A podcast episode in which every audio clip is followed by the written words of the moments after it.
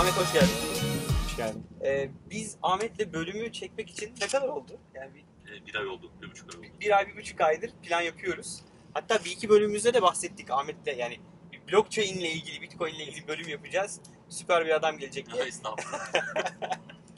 Ee, seni bence bir kısmını hızlı geçelim. Özellikle çünkü e, girişimci muhabbetinde böyle süper bir bölüm oldu. Yani ben böyle keyifli iki defa dinledim bu arada. Ee, istersen sen bir önce ne yapıyorsun, ne ediyorsun kısa bir anlat. Anlatayım. Hani Ahmet kimdir bir e, hani bizi izleyenler bir dinlesinler, öğrensinler. Eyvallah. Sonra da daha böyle derin konuşmaya başlayalım. Ee, ben 2010'da geldim İstanbul'a. Daha önce Antalya'daydım en son. İşte fotoğraf işleri yapıyordum. Hiç internetten çok uzak değildim ama hiç hiçbir zaman için internet yoktu yani aklımda. Ee, sonra buraya geldim. Gezmek için gelmiştim. Sonra kendime bir medya planlama ajansında iş buldum. Öncesinde e-ticaret işleri yapıyordum. E-ticaret yazılımı satıyordum falan uzaktan. Ee, sonra reklam sektörünün içine girmiş bulundum. Ee, Kendimi orada buldum. Biraz öyle oldu. Çok da keyifli oldu. Orada 8 ay geçirdim bir e, medya ajansında. İşi öğrendim, sektörü öğrendim. İlk işte ilk gördüğüm şey e, 100 milyon TL'nin sadece 50-60 siteye dağıtıldığıydı. Dedim ki burada bir fırsat olabilir yani. Biz de bir şey yapabiliriz diye. İşte o zaman girişimcilik denmiyordu buna. Ne iş yapıyorsun? Kendi işimi yapıyorum. E, şeklinde anlatıyorduk. Kendi işimizi kurduk. Ablamla birlikte. Bir de yatırımcımız vardı. Hala aynı ekip 6 yıldır Türkiye'deki reklam verenlere, işte yurt dışında da bazı müşterilerimiz var altyapı hizmeti ve envanter satış hizmeti veriyoruz. Hem teknoloji veriyoruz hem de hizmetini veriyoruz. Ee, blockchain'de bizim son bir senedir, bir buçuk senedir bir kaçış arıyorduk kendimize. Ne yapabiliriz diye bakıyorduk. İşte popüler tabirle site business ne yapabiliriz gibi düşünüyorduk. Blockchain sanırım o oldu bizim için. Son 6-7 aydır da blockchain üzerinde çalışıyoruz. Ee, önce tabii al-sat yaparak başladık herkes gibi. Bir sektör Çünkü öğrenmek işi öğrenmek için yani Biraz para harcamak yani lazım. Blockchain nedir bence anlanıp anlanması için biraz para yakmak lazım. Tabii A noktasına B noktasına para gönderme yani. Onu anladık o zaman. Orası tamam. Blockchain'i Bitcoin üzerinden mi öğrendin yoksa Tabii önce herkes blockchain öğrenip şey mi? e, her ya ben önce tabii ki Bitcoin, sonra Bitcoin nedir, nasıl Nedir? çalışıyor, sonra arkasındaki teknoloji, blockchain olduğunu o white paper okuduğumuzda gördük yani adam orada güzel güzel anlatmış, konsepti çizmiş ama e, o white paper'ı ilk mesela ben ilk Bitcoin'i duyduğumda bahsettiğim ajansa çalışıyordum. 2010 yılıydı. Aldığım maaş kiramı anca ödüyordu yani. E, ve bir arkadaşımız var, bir abimiz. Hala görüşürüz. O da hala trade eder, alır satar. O zamandan beri Evet. trade ediyor mu? Aynen. 2010'da geldi dedi ki param var mı? Ne kadar? 10 bin lira. Yok abi. Ne yapacaksınız? Ne yapacağız? Bitcoin alalım dedi. Yani 2010'da. 2010. Ah be abi Kaç diyorsun. paraydı abi o zaman? E, hiç hatır bilmiyorum. Bakmadım zaten moralim bozulmasın diye. hemen, herkes gitsin. Vakitbitcoin.com Abi aldı bu arkadaşımız. Ama biz o zaman işte bu şey yani insan psikolojisidir herhalde. Paran olmayınca biz sonra haberleri 2011'de de okuduk, 2012'de de okuduk. Bitcoin Evet. hep okuyorduk. Ama paran olmayınca sanki ya buna para yatırılmaz. Bu bize göre. göre değil gibi düşünmeye başlıyorsun. Ben öyle düşünenlerdendim. Ee, o arkadaşımız öyle düşünmeyenlerdendi. e tabii ona göre bir kazancı oldu. Ee, hala yapıyor. Hala alt, şimdi artık daha çok altcoin'lerle ilgileniyor. Ee, O zaman öyle başlayalım bence. Şimdi blockchain'i anlamak için Bitcoin dedik ya. Bence orada Ya mesela 2010'da blockchain'den bahseden yoktu. Tabii Bitcoin'den bahsedenler yani. vardı. Mümkün blockchain değil aslında bakınca böyle işte merkezi olmayan sistemler daha geriye de dayanıyor. Ee, ama işte 2010 yılında mesela biz bunu konuştuğumuzda ne blockchain yani biz daha onu Tabii. sanal para olarak, internet parası olarak e, konumluyorduk. Ve o zaten bize böyle kötü geliyordu. Halbuki buna birisi işte kripto para bu, kriptoloji diye bir şey var diye Bu anlatsaydı. bilimsel bir şey. Bundan tabii teknoloji Belki o zaman başka bakardık ama işte insan parası olmadığı zaman direkt böyle ignore ediyor. Hiç görmezden geliyor bunu. Biz de onlardandık sanırım yani. Ve bu bir tek bize söylemedi tabii. Ajansta bir sürü kişiye söyledi bunu. Bir tek o aldı. Şu an mutlu değil mi? Ya mutlu mutlu. İşinde gücünde mutlu bir abimiz. Peki o zaman şeyle başlayalım. İlk ne zaman aldın? Ne İlk aldın? Nereden aldın? Şeydeki Medium'daki post. Medium'da yazdığımdan hiç Evet. farklı bir şey yapmadım. Ben böyle şey yapayım bu arada. Herkes alta bir yazalım biz. Yazarız. Yani bir hani yorum şey bölümü kısmına. E, hatta bölümde de bahsettik. E, nasıl Bitcoin alınır diye bölüm yaptık. Orada da senin referans verdik yani. E, ben senin açtım gaydı abi. İlk Bitcoin'imi öyle aldım. Yani, evet evet. Yani ilk Bitcoin'i ben Paribu, Paribu sonra Bittrex, Bittrex sen trade Abi gerçekten öyle yapmak çok kolay. Yani şimdi bana biz ilk aldık bunu etrafımızda insanlarla konuşuyoruz. Ya nasıl alınıyor? Ne yapılıyor? Biz de mesela soruyorduk. Ee, ve böyle doğru dürüst bunu yalın anlatan bir yer yoktu. Oturayım yazayım var dedim yani hani 3-4 satır bile olsa. Herkese bayağı- ayrı ayrı cevap vermektense Ya orada bayağı Yani- böyle garip garip insanlarla tanıştım yani. Her her telden adamla tanıştım. Ee, borsacı da var. Ee, finans bilen, para bilen. Hayatında ilk defa dolar hariç bir aset alacak olan adam da var. Daha önce hiçbir şey yapmamış adam da var. Ama yazı çok yalın anlatıyor. Ben ne yaptım? Türkiye'de 4-5 tane aracı kurum var. Türk lirasıyla Bitcoin satan. Bunlardan bir tanesiyle e, yazıda yazıyor zaten Paribu'yla. Bir account açtım. Hemen hesabımı onaylatmak için kimliğimi yükledim. Limitimi yükselttim. İlk TL yatırımını yapıp Bitcoin aldım. Sonra Bitcoin'i de önce Poloniex diye bir aracı kurumu maalesef Polo e, dediğimiz aracı kuruma gönderdim. E, niye maalesef diyorum? Hala yani 7-8 ay oluyor neredeyse. Hala hesap onayım yok. Hala günlük limitim 2000 dolar. Poloniex. Aynen. Çok E, ünlü bir ama. Ben Ama- en, en, şey en büyük borsalardan biri ilk üçte, ilk Ha. dörtte hacim olarak. Çin borsalarını, kapanan borsaları hariç tutarak söylüyorum. Ee, ama gittikçe müşteri kaybediyor. Ee, Bitrex gibi alttan gelen e, alt borsalar çok daha iyi gidiyor şu an. E, çünkü orada gerçekten 20, 24 saatte, Poloniex 48 neresi? saatte. Amerika. Amerika. Ama adresi yok. Yani adresini Google Maps'ten aradığında boş bir tarla görüyorsun yani. Hani öyle bir O durum var. kadar. Amerika. Tabii. Şey, Aynen öyle. Bittrex? Bitrex de Amerika. Bitrex'in avantajı şu. Bitrex'teki founder'ların kim olduğu, ekipte kim olduğu falan Hmm. sitede yazıyor. Ee, ve ekip çok iyi. Hemen bir ticket açtığımda 48 saat hiç geçmedi. Hatta ilk bu kadar popüler olmadan önce 3 saatte falan dönüyorlardı. Vay. Hesap onayı şu an orada e, günlük 100 bitcoin çekebilirsin diyor. Yani e, muhteşem bir limit var. E, yeni hesaplar öyle midir bilmiyorum ama benim hesabım biraz eski olduğu için limit o kadar yüksek. O civarlarda o civarlarda. O civarlarda. O 50 civarlarda. 50 gördüğüm bir arkadaşım da 50-100 arası değişiyor. Yani günlük İyi- işlem iyi için çok çok iyi bir rakam. E, Ya bizler için iyi rakam. Birilerine yetmediği kesin değil mi? Valla Bizler için çok iyi rakam. Saldıramayacağım bir rakam. ilk bitcoin cinayeti işlenmiş Türkiye'de o yüzden çok konuşmayalım bu konulara konuyu. girmeyek lazım. 100 falan değil. Günde 2 bitcoin abi. Ee, Amerika'da tek lisanslı Coinbase exchange diye Lisans da biraz o, göreceli ya. o, o şey e, biraz o havalı bir söylem olabilir. Emin olmak lazım. Bitrex'in de sitesinde şunun olduğunu biliyorum. New York'ta e, onaylı olduklarını. Ve New York Ee, rezidansları Kullan- Evet, mesela New York Coinbase'i sanırım. New York'tan kullanamıyorsun. Ama Bitrex'i kullanabiliyorsun gibi bir durum bile var. Hmm. Yani çok emin değilim. Bildiğim bir şey değil. E, ama legit bir şirket Bitrex ve iletişimleri çok iyi. Mesela bir sorun olduğunda Twitter'dan hemen founder'ı tweetini atıyor. Böyle böyle oldu. Bunu bunu çözüyoruz diye. Bilinmezlik yok. Ama bu demek değil ki Bitrex bir gün hacklenmeyecek veya bir gün Ya kapatıp gitmeyecekler. Ee, korusun. Allah korusun yani. Derin bile.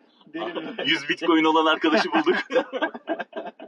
ee, durum o. Yani ben şu an Bitrex'te çalışıyorum. Keyifli. Ama ne yapıyorsun diye sorarsanız 2 aydır tek bir işlemim bile yok. Ne alıyorum ne satıyorum. Sadece tutuyorum ben. Özellikle bu düşüşten sonra e, tamamen tutmaya karar verdim.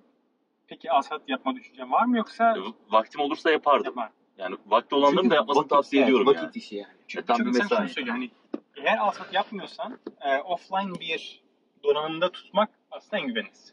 Evet. Bilgisayarda tutmak, işte onu bir Dropbox'a yedeklemek gibi, ya da evet. işte aynen bir fiziksel bir cihaz almak. Hepsi mantıklı bunların. Ee, Bitrex güvenilir diyoruz ama dediğim gibi yani yarın öbür gün eklenebilir. Hani Kimse evet yani. yani mesela şey şimdi ICO'lar var. yapılıyor. Adam bir günde 15 milyon dolarlık para toplayıp o gün hackleniyor adam. İki paragraf özür yazısı yazıyor yani. Hacklendik diyor. Şimdi Kusura bakmayın 15 milyon dolarınız gitti.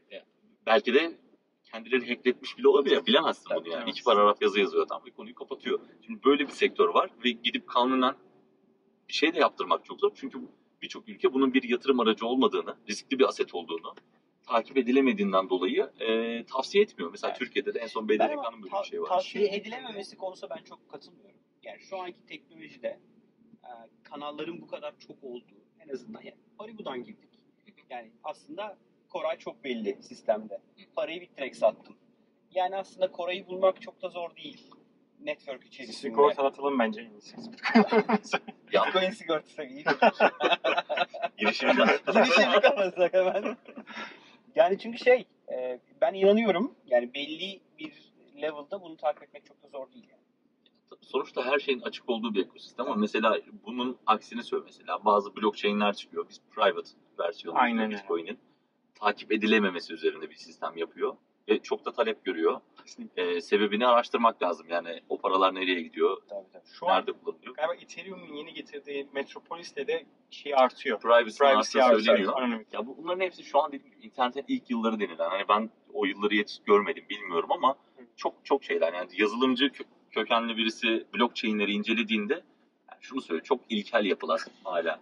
Yani bir yerini bükmek, düzeltmek o kadar zor ki. Neredeyse. O yüzden zaten sürekli işte fork muhabbet. İşte adamlar Bitcoin'i baştan yaptılar. e, Kağıt üzerinde. Ee, ve birçok kişi buna muhalif Bitcoin. Mecburen evet. Yani Bitcoin, halbuki havadan para geldi. Elindeki Bitcoin kadar Bitcoin Bitcoin keşin oldu. Bedava para verdi adamlar aslında. Şu an 400-500 dolar civarında her bir Bir ara Bitcoin 600 dolar. 900'ü gördüm. İşte şu an ben sabah yani. Şu an 458 şey falan gibi hatırlıyorum. Ee, Ben, benim aklım Böyle bir- almıyor ya. ya havadan para dağıtıyor. bedava para yani. Başka hiçbir şey değil. Ama işte bence Az bunlar hep şey değil. negatif şeyler. Çünkü mesela benim hala çevremde işte bir adam borsacı. Ya bunun işte fiziksel karşılığı yok deyip işin içinden çıkıyor. İşte buna ponzi diyenler var. Yani buna ben mesela e, deney olduğunu düşünüyorum bunun. Nakitsiz bir dünya çok uzak değil. Bugün bir tweet vardı. 2027'de bu finans sektörü bunların geldiğini nasıl göremedik, öngöremedik diye hayıflanacak diyor 2010 2027'de. Ben daha erken olacağını düşünüyorum. Ben de daha erken olacağını düşünüyorum. Ee, ya bu kadar ya ben şunu yani sen de bahsetmiştin galiba videoda. Yani şu an hakikaten hiç beklemediğim, hiç böyle girişimcilik ya da bir yatırım yapmamış insanların Bitcoin konuştuğunu düşündüğümüzde bu kadar artık content olmaya başladığında bu işin şey olacağını öngörmek çok zor. Ee, pazar büyümeyecek, iş gitmeyecek demek bence çok akılcı bir şey değil yani. Ya pazar zaten yani şöyle ben 7-8 ay önce girdiğimde pazar bu kadardı diyelim. Şu an bu kadar. Ee, iki sene sonra bu kadar olursa muhtemelen doğru zamanda girmişiz diye düşünmeye başlarız. 2010'da giren arkadaşla aynı efekti alamayız. Mutlaka. Ama biz de mutlu oluruz ondan sonra da girmek çok kolay olmayacak. Yo ben ben şey düşünmüyorum ya. Gittikçe- Hani tabii gittikçe maturity'ye ulaştıkça tabii Evet. ki volatilite de düşecek. Yani işte, Ya geçen gün şey yap, Paris Hilton tweet atmış. Ya iş oraya kadar düştü. Yani, Yani Şuraya kadar Tabii şimdi bu da bu da işin komoditeye doğru gittiğini gösteriyor. Bu da işin Evet. işte bundan iki sene sonra gerçekten şu benzincideki pompacının da Bitcoin olduğunu ve artık bunu harcayacak, işte ekonomiye verecek, benzin alacak, bahçe alacak bir yapıya dönmesi gerekecek yani. Çok kaçınılmaz bir şey yani. Ya mesela şimdi deneysel şeyler var. POS sistemi yazanlar, deneyenler oldu. Ve bunu yeni denemiyorlar. 3 sene önce denemiş adam, 4 sene önce denemiş ve olmamış. Çünkü scale edilebilir değil blockchain'ler. Evet. Eskileri için konuşuyorum. Mesela şimdi Ethereum daha hızlanacak. Alternatifleri var. Bir de bu gas fee muhabbeti var. Yani Hmm. altyapı, oradaki maliyetler çok yükseliyor. Miner'lara ödenen Miner'lara ödenen paralar çok yükseliyor. E, bunların hepsi bariyer. Bu bariyerler tek tek tek geçilecek.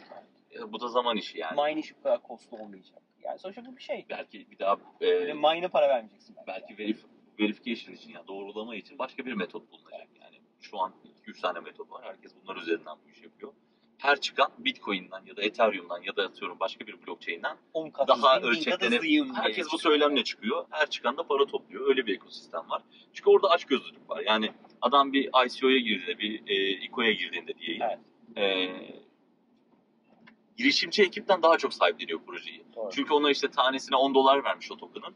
Onun Dükkanın- 15 dolar olması için sahibi, Dükkanın sahibi gibi çalışıyor. ya daha agresif ondan. Yani okuyorum Twitter'ı okuyorum ya o, ekip o kadar tweet atmamış. Adam durmadan onu e, şişiriyor diyeyim. Evet. E, bu da insanları işte Paris Hilton bile parayla Bitcoin karşılığında atıyorum. Tweet atıyor bugün. Çok iyi ya. E, çok ilginç yani. İş oraya gitmeye başladı. Şu Bugün- Ankara'da ev satılma işini gördün mü? Onu gördüm bir de İzmir'de var şu an. 16 Bitcoin'e bir tane böyle yer veriyor adam. Allah Allah. Çok iyi ya. İzmir'e gitmek isteyenler varsa Bitcoin alan baksın. 16, 16 Bitcoin'e yer veriyor. Bir bina veriyor böyle işte 3 katlı falan sanırım. Çok Biraz da güzel. reklam kokan hareketler ama evet yani. Tabii şeye o muhtemelen zaten hani böyle haber olsun diye, trafik olsun diye yapılmış bir haberdir.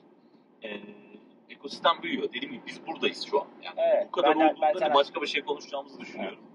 Ee, biz mesela şu an bir blockchain projesi çalışıyoruz. İşin yazılım kısmı kafamızda çok oturdu. Ama blockchain'i entegre etmek o kadar zor geliyor ki şimdi bize. Çünkü gerçekten yapının içine girince zorlanmaya başladık.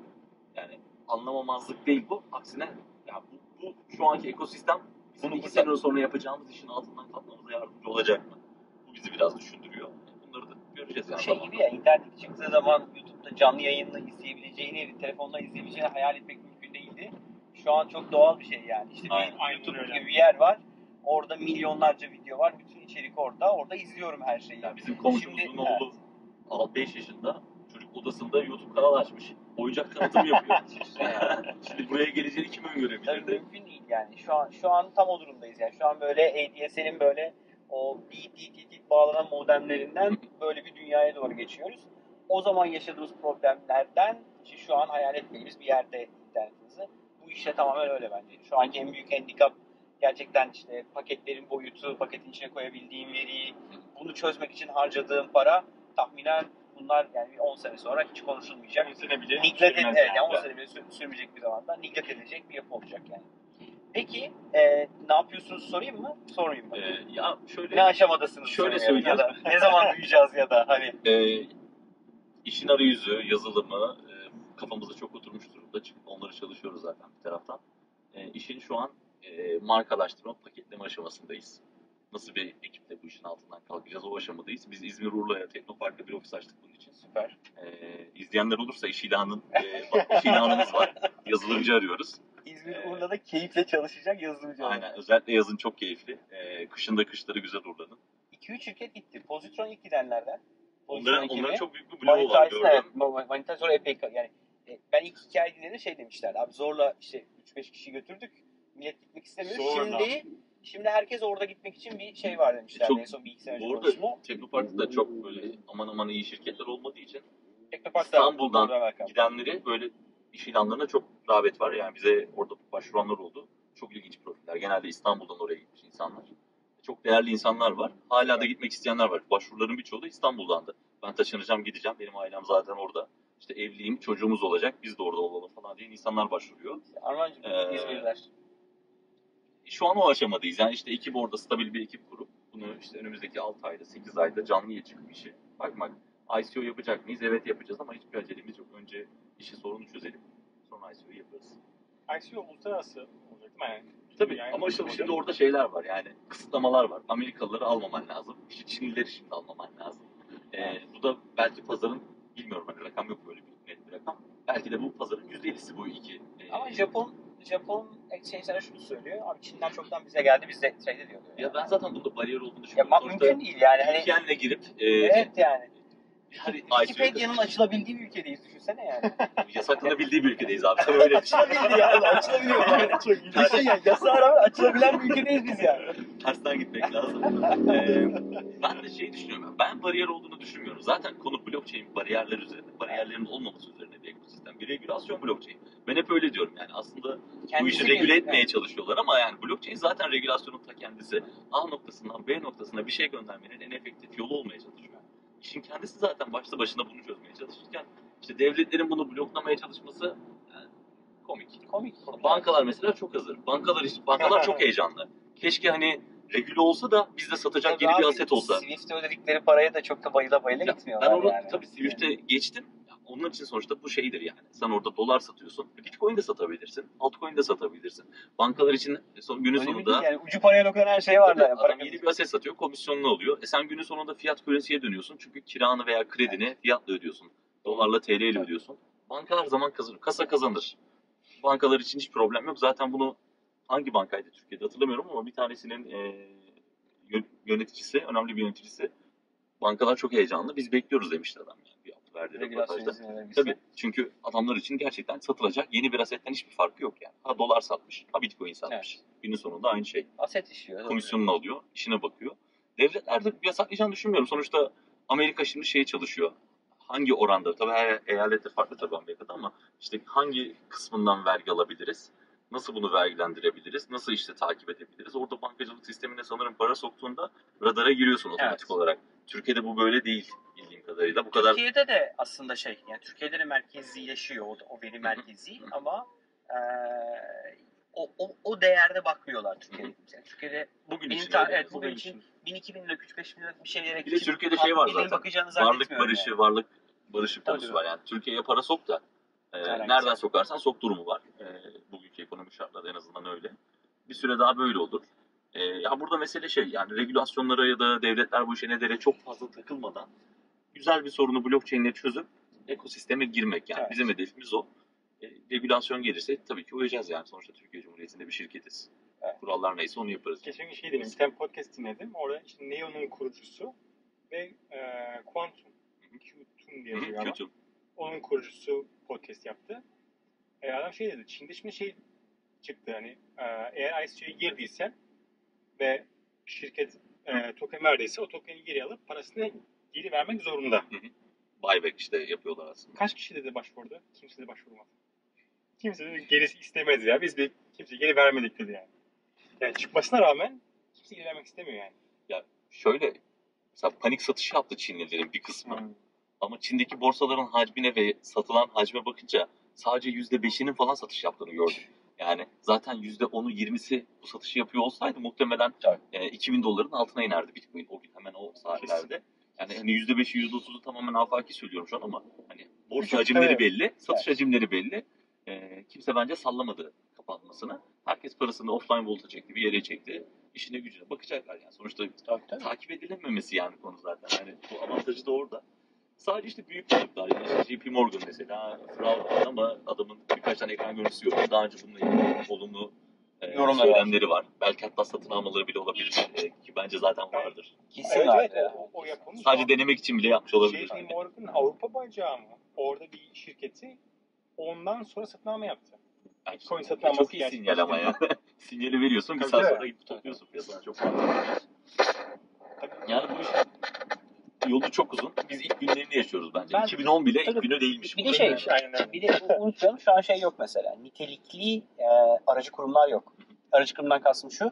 Ya da portföy yönetim şirketleri yok. Hı hı. Ver bana coin'ini senin adına yatırım yapayım. Ya mesela bunu yapan fonlar oldu. Evet. Şimdi onların hepsi security'ye girdiği için Amerika'da e, değerleri, coinlerinin değerleri yerle bir oldu. Ve adamlar işi toparlayamıyor. Çünkü artık onlar security yani. Evet. E, onu delemiyorlar. E, dolayısıyla artık e, fon geleceğini pek sanmıyorum kısa vadede. Bir de şöyle bir şey oldu. Ama private yapanlar var. Adam diyor ki O başka bir şey. Onu token yapmıyor adam. tabii token Girer- yapmıyor. Evet token. Girerken %5 ver diyor, Aynen, çıkarken çıkarken %5 beş ver diyor. O, onu yapan alanlar var. Onlar para da kazanıyor. Evet. Mesela en büyüğü Satoshi Fund'dı bunu yapan. Hı. Ee, bakıyorsun sitelerinde işte %4400 vermişiz diyor. Yani kendileri vermiş değil yani sektör olarak. Ya da işte mesela The Token diye bir fon var. Aynı şekilde işte 10 dolarda 44 dolarlara kadar geldi tanesi.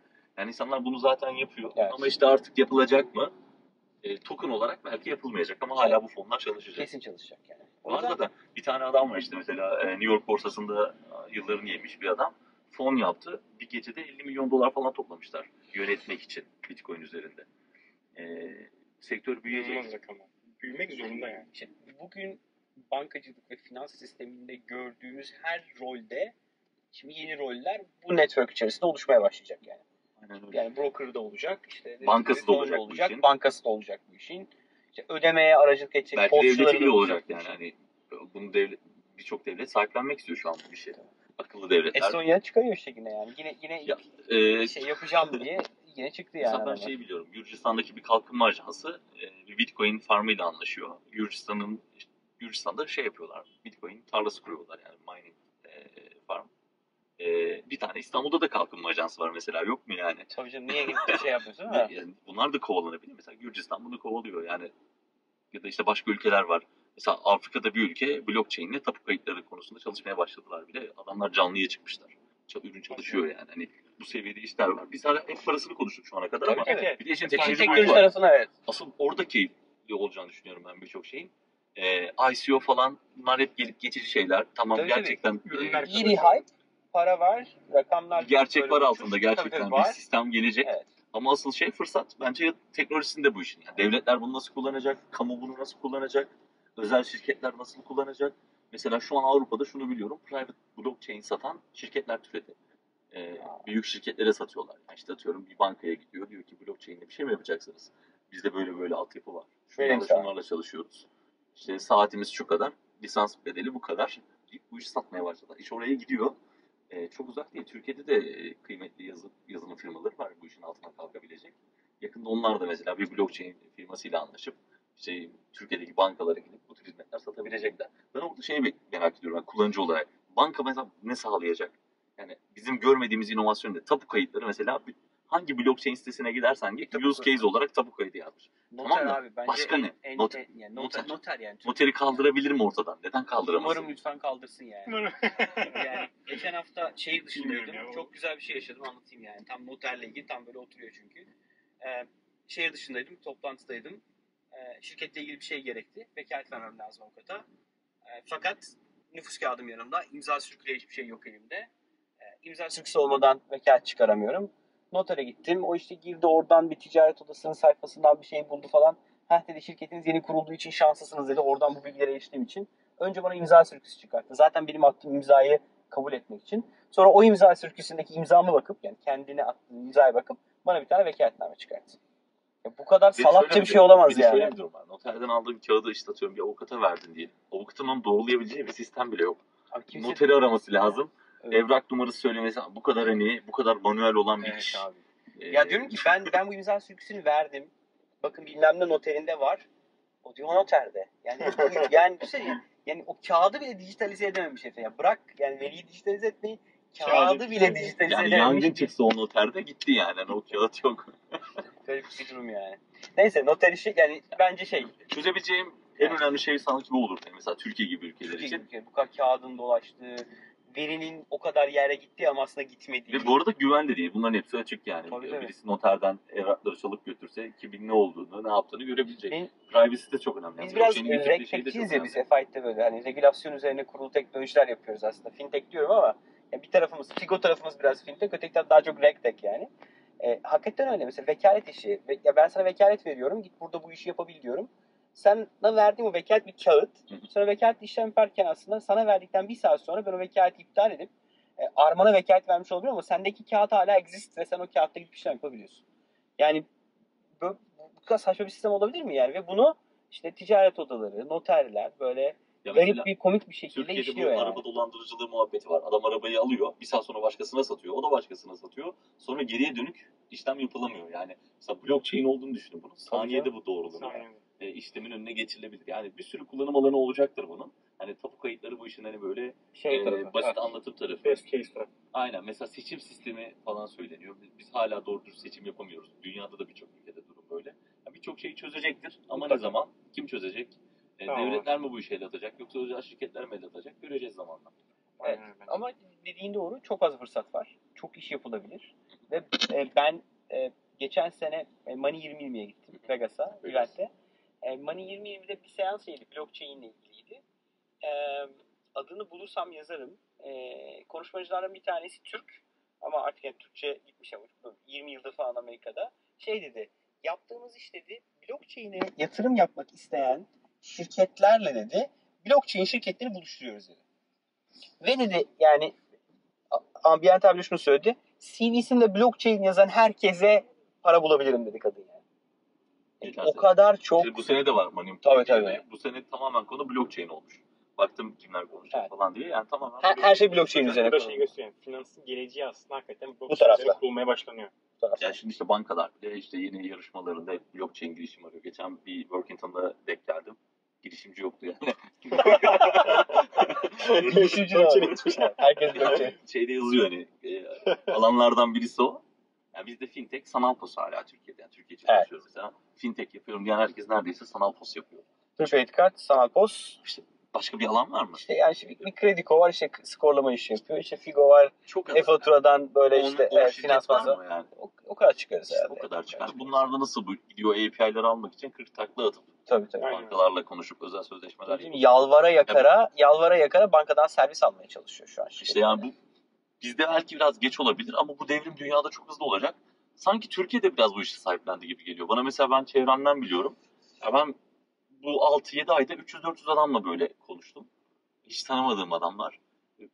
Mesela bir tanesiyle konuşuyorum. Adam 2 yıldır alıp satıyormuş yani. Daha çok hakim konuya. Çok adam varmış. Sadece işte yani bunun en büyük örneği şey. Bitcoin Talk'un e, bitcointalk.org var. Türkçe foruma gidin. Yani konular inanılmaz yani. Dönen muhabbetler inanılmaz. Çok sağlam adamlar da var. Duyup gelen de var. Koşup gelen de var. E, üyelerin tabii sayısı son 3 ayda muhtemelen uçmuş. Tabii yani. E, ama çok eski konular var. Yani uzun süredir bu işleri kovalayan insanlar olduğunu görmek sevindirici. Mesela orada bir yazı okumuştum. Ya biz ne zaman blockchain'de bir iş yapacağız falan. Adam şeyinde değil artık. Bitcoin'den zaten parayı kazanmış. Hadi çocuklar nereye harcayacağız bunu? Yani bir iş yapalım istiyor. Çünkü zaten arabayı almış adam. Evi de almış. Yani e, bir şey yapması lazım. Şimdi yatırım yapmak lazım. Give back. E, tamamen oraya gidiyor iş. Siz bir Peki. şey yapmıyor musunuz? Biz bir şey yapmıyor muyuz? Ya bizde çok tabii Üzerine hikaye var. Beraber yapalım. Üzerinde konuşmak yani. Tabii çok yani şu an böyle bence her şey havada uçuyor. Birazcık zaten bence hayal kurma dönemi. Yani birazcık gerçekten olgunlaştıracak ve Ya mesela şey söyleyeyim. para kazanacak şeye dönmek lazım. Ya Yani. bu coinmarketcap.com. Bütün herkesin Evet. ana sayfası oldu artık. Oradaki asetlerin en az yarısı yani hani iyimser olayım biraz en az yarısı iki sene sonra konuşmayacağız. Tabii tabii. Yani çoğu çöp olacak, çoğu kaçıp gidecek. Yani mesela şey var, e, bir tane ICO yaptılar ama adını hatırlayamıyorum şu an ama e, dosya transferi için Dropbox alternatif bir şey yaptılar. Duydum. 30 milyon dolara yakın bir para topladılar Ethereum ve Bitcoin'le. E, kurucu ekip işten ayrıldı. CTO'su başka bir şirkete gitti. İşte diğer ekip başka bir yere gitti. Bir tek founder var ortada. Founder da yazılımcı değil. İş gibi yapacak. Yani Çok iyi ya. ve- Ama 30 milyon dolar. Tabii Herkes 30 milyon emekliğini dolar. almış. Tabii. Yani bu adamlar muhtemelen hayatı boyunca kazanamayacak parayı bir ayda toplayıp iyi bir paketleme. Yani şöyle söyleyeyim. Yani şu an bir Şu anki iş birazcık Şimdi ambalajlama. Yani çok iyi marketing ekibi, çok, Çok- iyi işte sosyal medya yönetimi, dijital kanalları. bu soktu ama işte partiye Tabii, onlar tabii. erken geldiler yani. Halbuki bu sektör böyle adam gibi ürünleri olan hani sadece landing page artı white paper olmayan ICO'lar yapılmış olsaydı kimse bu işe pek Çin, karışmazdı. Çin'in e, yasaklaması sebeplerinin en büyüğü bu. Adam yolda var, broker. Geliyor sana diyor ki gel diyor bana atıyorum şu an 10 bin TL ver. Ben sana her şeyi hazırlıyorum. Landing page'i, token'i, Süper. white paper'ı her şeyi yazıyorum Word- sana. WordPress'te sayfa açmak çıkıyor. gibi. Şimdi artık WordPress web sitesi yapmak gibi. Mesela token üretimi herkes soruyor nasıl token yapıyoruz, nasıl coin yapıyoruz, nasıl kripto currency yapıyoruz diye. Mesela Waves diye bir platform var. Duydum. Benim çok sevdiğim bir platform. Hani adamların yolu çok uzun ama doğru yani roadmap'lerini falan yarısını yapsalar e, şimdiki değerini mesela 5-10'a katlama ihtimali olan bir platform. Aynı şeyler gibi konuştum ben de. Token- Elimde yok. 5 Yalnız tane Kaç tane var söyle. Vallahi beş, elimde hiç yok. 5-6 tane var o da platform test etmek için almışım yani. Daha fazla yok. Ee, başka setler tutuyorum. Stratis, Lisk falan bambaşka benim baktığım yerler. Ee, Waves'te şöyle bir token üretimi. Bir Waves harcayarak istediğiniz token istediğiniz adette üretebiliyorsunuz. Yani mesela atıyorum yollarda coin'i yaptık şimdi. Maliyeti sadece şu anki işte Waves herhalde 4-5 dolardır. Öyle şey. yani. 5 dolar. Ve işte bir dakika sürüyor sizin token üretimi yapmanız. Yani Waves'te Hadi o zaman. hadi, hadi, hadi bak kaybettim. Bundan sonra bunu izlemek isteyen insanlar için işte elinde 10 tane coin tutman gerekiyor demek bir iş modelidir. Ee, işte bu iş modelini karar verirken regülatörlerin radarına giriyor mu ona bakmak lazım. Artık ona bakmak gerekecek daha Evet, doğrusu. Gerekiyor. Çünkü sen token'ı yapabilirsin. Bu security de olabilir. Ama security olursa hiçbir Amerika tabanlı borsada ya da işte atıyorum, Security ne demeyi açıklayalım mı? e, sen açıkla abi sen daha iyi açıkla. Şimdi e, bir, bir örnek biraz önce biz konuştuk biz de- bölümden önce. Enerji işi konuştuk. Evet, evet, evet. Ben bir enerji, zaten. ben, evet, temettü aldım. Bir enerji işim var ve enerji santrali kurmak için 5 milyon dolara ihtiyacım var. ICO yaptım, para topladım 5 milyon doları. Tesisi kurdum. 2 sene sonra da para kazandım ve para kazanıp geri ödemeye başlıyorum diyorum. Benden ICO'ma giren insanlara. Aynen. E, bu security oluyor. Aynen. Yani ben temettü dağıtacağım. Para kazanıp size para geri ödeyeceğim. Hisse senedi vermiyorum da ben size coin veriyorum. Aslında Aynen dediğim öyle. senaryolara security deniyor. İşte bu da regülatörlerin radarına girmesine sebep oluyor. Birçok proje şu an bu yüzden fail etti. Başlamadan bitti. Adamlar daha ürünü çıkaramadan e, bir yıldır işte community yaptılar. Mesela ekonomi var en büyük örneklerden birisi. E, Orada insanlar kendi fonunu oluşturup milletin para e, yatırmasını falan sağlayacaklardı. Öyle bir altyapı yapıyorlardı. Elindeki token kadar gelir e, paylaşım Yapacak. yapacaklar. Dolayısıyla direkt security olan bir aset. E, dibe doğru gidiyor şu an. Yani ve şey yok. Founder'dan cevap yok. Soruyorsun şey yazmıyor falan. Yani durum öyle. E, işte dolayısıyla yapılacak projenin regülatörleri çok böyle e, germeyecek bir şey olması Evet. lazım. Aksi takdirde herhangi bir borsada listelenmen mümkün olmuyor. Mesela şu an Amerika'da borsalar buna bakıyor. Yani bir artık gireceksen eğer artık Aynen. borsa, bu borsa Onların eskiden kuralları çok gevşekti. 3 bitcoin veriyordun. Seni hemen listeliyorlardı yani. Vay. E, bu kadar basitti. Bir ayda listelenebilirdin herhangi bir borsada. Şimdi öyle değil. Şimdi hem yine 3 bitcoin vereceksin en az hem de e, kurallara uyan, e, işte ekibi düzgün olan, arkasında gerçekten bir şirket olan, e, ekibi çalışan, Ama en önemlisi topluluğu olan. yani, yani lazım. Bitrex'e bakıyorum. Acayip ya. Orada kaç yani yüzlerce var değil mi Bitrex'e de? E, çok en kalabalık e, Çok borsalardan birisi. E, 40 bin aktif trader var diye biliyorum ben. En son baktığımda günlük. E, çok iyi bir rakam. E, ve işlem hacmi ben Mitrex'i kullandığımda ilk 30'da bile değillerdi. Şimdi ilk 5'teler hacim olarak. Yani çok da büyüdü. E, Poloniex'in işte kötü olmasından dolayı. Ben mesela hala Polo'da param var. Çek, çekiyorum her gün. Bir kısım. kısım. 2000 Bir 2000 2000 Bitrex'e atıyorum. E, yani e, zulüm yani hani Poloniex'te o işlemi yapmak. E, kurtulunca böyle şey yapacağım. bir rahatlayacağım diyorsun. Hani Bitrex'e bir donation falan böyle. Çünkü çok yoruyor insanı ve ticketlara dönmüyorlar abi. işte 7 ay oldu, 6 ay oldu. 6 aydır ticket Şakacı var. ya. Altı ay. 6 ayda çift ticket var. E, 6 aydır hesabına erişemeyenler var. Ben gene hesabımı kullanabiliyorum. Adamın orada parası var. Hesabını bloke etmişler. Sebep yok. Ticket açıyor cevap yok. Ve parası orada. Çok Çok bir geliyor. Ve şimdi bu adam belki orada 100 bitik oyunu var yani. Olabilir. Böyle adamlar var. Ve Bir işte- adam dükkanı kapatıp gitse bit yani. yani, ya bu işe yeni girecekleri kesinlikle çok rahat söylüyorum. Polonex'te çalışmasınlar yani. Başka her yer Ama, olabilir. ama yanlış aman bir yanlış yapma. aynen aynen yani. Çünkü ben o hatayı yaptım. Bizi kimse uyarmadı. Halbuki yani birazcık araştırma yapsaydık o zaman bu problemlerin olduğu yazıyormuş yani. Biz sadece hızlı davranıp direkt Polonex'e girip orada işlem gerçekleştirdik yani. Öyle bir hata yaptık. Gerçekten kötü. Neyse sen de bize öğrettin Bittrex üzerine gitmeyi. Biz de Bitrex'ten başladık. ben, hiç, ben, ben hiç o fake'i yemedim ya. Paribol Bitrex. Paribol Bitrex gerçekten stabil şu an için. Yani Şu an evet, şu an için. yarın bir Evet, KVK bu, çıkar. bu videoyu evet, bu videoyu bu videoyu izlediğinizde belki bir Paribo olmayabilir yani. E tabii KHK'ya bakar işte Bittrex kapatıp gidebilir. Evet. Belli olmaz yani Tabii, bu. tabii. Ya da hacklenebilir. Ya bu işlerin en büyük şeyi o yani. Ee, gerçekten %100 güven istiyorsan dediğim gibi al bir yere yedekle kopyala. Ee, kendi bulutunda dursun. ben zaten En sekürü trade ama- etmiyorsa birisi Yani alıp trade sat etmiyorsa. Ya da- direkt ya da ya da zaten. yani altcoin işlem yapmıyorsa altcoin almayacaksan evet en güzeli bulut almak yani. Ya mesela şimdi herkesin sorduğu soru şu. Abi ne alalım? Yani Ne alalım? Ulan eyvah. bilsem zaten ben alırım. Dolarlık soru soruyorsun yani. Bilsem ben zaten alırım onu yani. Bunu bi- bilen biri de yok. Şu an her şey alınabilir görünüyor. Çünkü şu an çok ucuz. Evet dipteyiz Yani şu an. dip- Dip, dip- dip, dipte bir yer. bir yer. Ya bu arada bugünkü ne, nerelerde bugün? Biz bu bölümü çekerken. Biz şu an civarında. 21 Eylül'de çekiyoruz bunu. 8 civarlarında. 3850 10 civarlarında. dolar Ama her civarında. saatte değiştiği için. Tabii işte evet. Yani şu an belki de Şöyle 3000 olmuş olmuş olabilir yani. Ee, yani ne alınır, nasıl alınmalı ben onu söyleyeyim. abi. Ben ne yapıyorum daha doğrusu? Ben önce abi ekibe bakıyorum. Sonra biraz Reddit'e giriyorum. Altcoin'ler için konuşuyoruz. Aynen altcoin'ler, altcoin'ler. İşte projeye bakıyorum. Adam daha önce benzer bir iş yapmış mı? Ya mesela şimdi adam telco işi yapmak istiyor blockchain'le. Daha önce adamın telco ile tek yakınlığı cep telefonu olması. Tam başka hiçbir şey yok adamın. Hiçbir alakası yok. Ama mesela 6 milyon dolar topladı adam. Ee, orada da ürün yok. Hiçbir şey yok. E, yarın kapatıp giderlerse kapatıp gidebilirler. İkincisi tokenların yüzde kaçını halka arz ediyor. Kaçını Kaçtı kendisi. Kaçını tutuyor, kaçını ekibe dağıtıyor. Bunlara bakıyorum. Ee, smart kontratların birçoğu Ethereum tabanlı coinlerde açık oluyor. Zaten adam smart kontraktımızı okuyabilirsiniz diyor ICO günü. E, o gün ona bakıyorum. Yani ne zaman e, ne kadarını burn edecek, ne kadarını tutacak. E, minimum, maksimum ne kadar para toplamak istiyor. Mesela atıyorum bir ICO 30-40 milyon dolardan fazla para toplamak istiyorsa yapacağı işe bakıyorum yani. Abi bu adam dünyayı değiştirecek. bu? Evet. Bir topu bir tane bir, e, bir platform yapacak, bir sorunu çözecek. 30-40 milyon dolar gerektirmeyecektir muhtemelen bu. O zaman ona girmiyorum. Yani olabildiğince az para toplayan. Yatırımcı gibi bakıyorsun abi. Gerçekten Aynen şirkete bir yatırımcı gibi, VC gibi, fon gibi şirkete bakıyorsun yani. VC gibi bakarsam hiç almam ama ya. Tamam VC diyor abi yatırımcı diyor. melek, melek de demeyelim. Yani Melek işte bir işi bilmeyen Yatırımcı, yatırımcı, yani. yatırımcı. Amatör yatırımcı. Ee, Çünkü yani bunlara bakmadan yatırım daha önce mesela bir iki denemem oldu öyle. Girdim arkadaşım al al dedi aldım. Mesela o istediğim gibi gitmedi. Bir arkadaşıma mesela bildiğim böyle bu işleri güvendiğim bir arkadaşım iyi biliyor. Benden daha iyi biliyor. Bizden daha eski bu işte. Ya şunu alalım mı dedim. Alma onun white paper'ının %80'i çakma dedi. Adamlar 50x yaptı yani.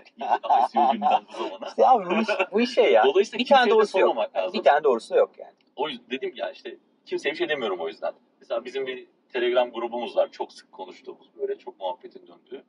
Orayı okursa bir insan muhtemelen ya bütün parasını gömer ya kaçar gider. Hani şey hareket etmez yani. Temkinli hareket etmez. Çünkü açgözlülük ister istemez oluyor insanda. Çünkü eskiden 3 günde 5 katını kazanıyordu. Yani bu mümkündü.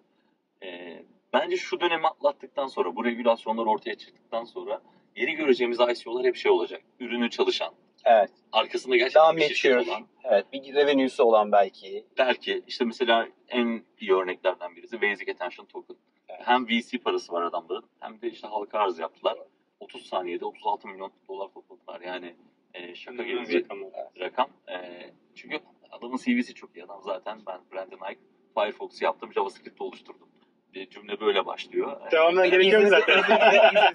Şimdi işte bir Alan, Alan Coin çıkarsa çok tutacak. e, Bu arada Hiç, hiç yorum yapmadım EMC. bu konularda. EMC. o şeye taktı işte abi şu an işte makinelere işte Yani şu an makinelere küfür ediyor. AI küfür, duruyor yani. Bilmiyorum mesela on, şey var süper computer e, ICO'ları var abi. Yani adam daha bilgisayarı kullanmayı bilmiyor. işte süper computer e, e, şeyine giriyor, ICO'suna giriyor, yatırım yapıyor. Aç gözlülükten. Yani e, daha ortada öyle bir şey yok. Ürün yok. Bir white paper var. Hızlı zengin olma. 20 sayfa. 20 sayfayı işte sayfası 20 dolardan yazdırabilirsin herhangi birine. Bir de şey var yani orada tabii o şey etkisi artık yani. Böyle network effect. Ama Ama- oğlum uçacakmış lan herifler 50 katı diyor. Dün bir Ne olduğunu bakmıyor bile adam yani. Geçen aydan bu aya e, ICO'larda toplanan para 150'den fazla azalmış. Azalmış. Azalmış. Yani bu e, çok bence iyi bir şey. Azalsın. Bir şey. Azalsın ki elensin yani. Me- me- yine mature market'e doğru gidiyor yani. işte. Mesela ICO siteleri var, ICO'ları listeleyen. Ben onlara çok bakıyordum. Eskiden 10 tane oluyordu. Okuması çok kolaydı. Şimdi scroll ediyorum abi. Şimdi 250 tane var çünkü. Ee, ve bunların hepsinin böyle hedefi 10, 20, 30 toplamak. Yani adamlar e, ve topluyorlar da yani ilginçtir. Hepsinin bir topluluğu var. Mesela geçen hiç adını duymadığım bir token. Baktım 35 milyon dolar toplamışlar. Bir Bak tane abi. banner'ına bile denk gelmedim adamların. Yani ve sürekli bunların içindeyim böyle. Bütün gün bunların sesine bakıyorum. Hızlı ne yapıyor bu insanlar? Tahminen Facebook'ta bir defa, bin defa önüne gelmesi lazım. Google'da. 10 defa E, ve parayı toplamışlar. Sonra baktım kimle göndermiş diye. Adamın bir tanesi 180 bitcoin yollamış. Tek işlemde. Adam zaten 10 dolara almış. Elinde birkaç bin tane var. Dolayısıyla bir ICO'ya girerken gözünü kırpmadan o parayı atabiliyor. Çünkü en kötü ihtimalle borsaya açıldığında çok az bir zararla geri toplayabilir. En kötü aynen öyle. Hiçbir şey yapamadı diye. %10 zarar edersin. Geri alırsın paranı. Ama adamlar gerçekten söylediğini yapmaya yaklaşırlarsa inanılmaz şey. yani çok büyük para kazanmak mümkün. Ya bu şey burada hala şu tutmuyor yani e, mesela işte ben Stratis'i çok takip ediyorum. Adamlar sürekli update çıkıyor. Normalde nedir işte bir borsaya kota olan bir şirket bir açıklama yaptığında olumlu bir şeyse bu Yukarı fiyatına yansır. Aynen. Burada yansımıyor abi. Adamlar devrim yapıyor orada mesela. Çok önemli bir geliştirme e, lanse ediyorlar. Düşüyor fiyatı. Evet, Çünkü ya. sektör daha bu kadar. Evet. Bu kadar olduğunda bence Daha doğru yorumlar başlayacak. Daha doğru. Ee, bu dalgalanma düşecek en azından. Ama o zaman da işte 5x yapmak, 10x yapmak Evet. vakit alacak yani. O, yüzden ee, ya bir şey var işte Nasrullah Hayan diye bir borsa kralı denen bir adam var. Ben takip ediyorum hem Twitter'dan. Bilmeyenler de takip etsin. Mesela onun Forex'çilerle ilgili bir tweet var. Yani Forex'e girenlerin %80'i birinci ay, kalanı da elinde sonunda batıyor. Ama sen illa zengin olacaksın öyle mi demiş. Ya, tam olarak durum bu abi. Yani. Biraz sakin gitmek lazım. İyi değerlendirmek Evet. lazım. Ee, bunu Hızlı yapan- hareket etmemek lazım. Ya Benim, ben- benim kişisel gördüğüm Hızlı o. gidersen hızlı Yani, kaybedersin. yani hızlı gitmek derken yukarı hızlı değil yani mesela. Hemen bunu aldım, yarım saat sonra aldım. Evet, işte o, o çok tehlikeli bir e, şey. sabır lazım. Ya sabır lazım. Evet, evet. Ben mesela Basic Attention Token'ı ICO günü alamadım. Kimse gibi. Zaten çok kişi, 200-300 kişi falan olabilir diye biliyorum. Daha fazla değil. Evet, çok early'den sattılar Ee, onlar. Hemen adamın bir tanesi işte atıyorum 5 milyon dolar yolladı aldı falan. Baktım ne kadar fee ödediğine 8 bin dolar fee ödemiş. Ethereum fee. Parası önce gitsin diye diğerlerinden. Ee, bu adamlar mesela şeyi görmüşler yani. Bu adamlar Evet. en az 10x yapar. Zaten 5. günü tam 10 katını veriyordu Basic Attention Token. O gün İnanılmaz 5. gün alanlar şu an %50 zararda. Evet. bu iş böyle. Biraz acele etmeden dediğin gibi sakin gidip okuyor. Bakmak lazım yani. Ve fırsat hiç kaçmıyor. Hep fırsat. Ee, ben de ona katılıyorum. Yani aman bunu kaçırdım, ah öldüm bittim değil yani. Çünkü ilk girenlerde öyle oluyor. İlk Evet. girdiğin zaman ya işte şunu Abi para kaçırdım. 500 Aa, dolar gezdi, güzel. 400 dolar oldu diyor. Ya abi bir dur bakalım daha az önce girdin yani. Birkaç gün geçsin, bir hafta geçsin yani. Yani Onu, bir daha bir şey riski edemeyeceğim paraya da girmemen Evet lazım. ben Bu şey kaybettiğinde yani sıfır olduğunda üzülmeyeceğim para olsun. Evet. Sıfır olduğunda üzülmeyeceğim Ya bir de şöyle bir şey var. Burada sıfırlanmıyorsun. Elinde Evet, tokenların yani, var. evet. Sen projeye inan, inanıyorsan problem değil. Fiyatı düşsün. Ben mesela Stratis bir gün bir uyandım. 2.23 olmuş fiyatı. Ya ben, ben zaten 1.30 almıştım diyorum yani. Biraz daha gelse parayı diyecek yani. Çünkü o çok hızlı geldi geriye. Sonra hiç strese girmedim. Bakmadım abi. Şu an işte 5-6 dolara tekrar Evet. toparladı kendini. Ee, çok acele etmemek gerekiyor Evet. gerçekten. Yani e, bir daha bilgi kirliliğine dikkat etmek lazım. çok ben Twitter'a kanmamak lazım. ben Twitter'da kimseyi follow etmiyorum artık. Ee, YouTube'da kimseyi follow etmiyorum artık. Çünkü En işte bir önemlisi- bitcoin'e her tweet atıyorlar. Evet, en önemlisi, en önemlisi de mesela tele, şeyi tele-. Telegram'da senin e, şey grubu var ya. e, Altcoin chat. altcoin chat. Onun dışında hiçbir grupta yok. Ben orada mesela chatleşmeyi kullanmadım yani. Evet abi, çok Evet. sadece ben tek diktatörlük Yani- orada benimki. ben yazıyorum. Monarşi var. Monarşi var. Ama yani onun sebebi şu. Zaten şu an bile çok özelden yazan oluyor. Evet. Ben adamı yanıltmak istemiyorum. Yani. Benim söyleyeceğim bir şey yüzünden gelip bir aset almasını falan istemiyorum. Ee, bizim bir grubumuz daha var. Onun linkini bile atmadım oraya. Atsam hani kan çıkacak yani. Tahmin ediyorum. Tahmin ediyorum. Ee, böyle. Valla çok güzel oldu ya. Bence harika bir bölüm oldu. Var mı sormak istediğin başka bir şey? Benim yok. Senin?